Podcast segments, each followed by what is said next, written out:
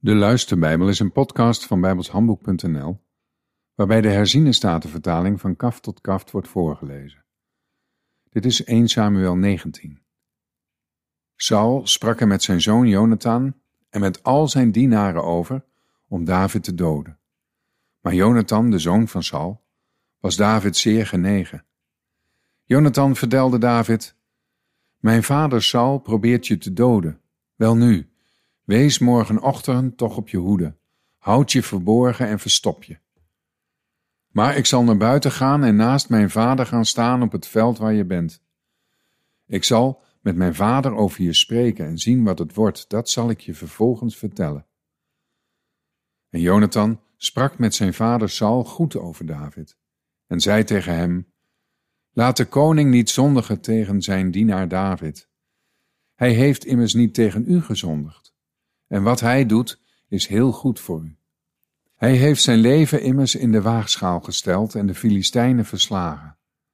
De Heere heeft voor heel Israël een grote verlossing teweeggebracht. U hebt het gezien en u bent er blij mee geweest. Waarom zou u dan tegen onschuldig bloed zondigen, door David zonder reden te doden? Saul luisterde naar de stem van Jonathan en Saul zwoer, Zo waar de Heere leeft, hij zal niet gedood worden. Jonathan riep David en Jonathan vertelde hem al deze woorden. Jonathan bracht David naar Saul en hij was in zijn tegenwoordigheid zoals voorheen. Er kwam opnieuw oorlog. David trok ten strijde, streed tegen de Filistijnen en bracht hun een grote slag toe. Ze vluchtten voor hem weg. Maar de boze geest van de Heere kwam over Saul. Hij zat in zijn huis en zijn speer was in zijn hand. En David tokkelde op de harp. Toen probeerde Saul David met de speer aan de wand te spietsen. Maar hij ontweek Saul, zodat de speer de wand trof. In die nacht vluchtte David en ontkwam. Maar Saul stuurde boden naar het huis van David om hem te bewaken en om hem s'morgens te doden. Michal, zijn vrouw, vertelde David echter: Als je jezelf vannacht niet in veiligheid brengt, word je morgen gedood. Michal liet David door een venster neer. Hij ging op de vlucht en ontkwam. Michal nam vervolgens een afgodsbeeld en legde het in het bed. Ze legde een geitenvel aan het hoofdeinde ervan en dekte het met een kleed toe. Saul stuurde bode om David te halen, maar zij zei: Hij is ziek.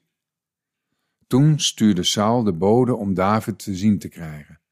En hij zei: Breng hem met bed en al naar mij toe om hem te doden. Toen de boden kwamen, zie, er lag een afgodsbeeld in het bed en een geitenvel aan het hoofdeinde ervan. Toen zei Saul tegen Michal: Waarom heb je mij zo bedrogen en mijn vijand laten gaan, zodat hij ontkomen is? Michal zei tegen Saul: Hij zei tegen mij: Laat me gaan. Waarom zal ik je doden? Zo vluchtte David en ontkwam.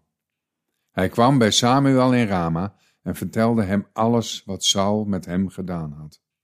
Hij en Samuel gingen op weg en zij bleven in Najot. En men vertelde Saul, zie David is in Najot bij Rama. Toen stuurde Saul boden om David te halen. Die zagen een groep profeten bezig met profeteren en Samuel stond daar en gaf hun leiding. De geest van God kwam over de boden van Saul en ook zij begonnen te profeteren. Toen men het Saul vertelde, stuurde hij andere boden, maar ook die begonnen te profeteren. Vervolgens stuurde Saul opnieuw boden, een derde groep, en ook die begonnen te profeteren. Daarna ging hij ook zelf naar Rama, en hij kwam bij de grote waterpunt die in Segu is. Hij vroeg en zei, Waar zijn Samuel en David? Men zei hem, Zie, zij zijn in Najot bij Rama. Toen ging hij daarheen, naar Najot bij Rama, en dezelfde geest van God kwam ook op hem. En al profeterend ging hij verder, totdat hij in Najot bij Rama kwam. Ook hij trok zijn kleren uit. En ook hij profeteerde voor de ogen van Samuel. Hij lag daar zonder kleren, de hele dag en de hele nacht. Daarom zegt men: Is Saul ook onder de profeten? Tot zover.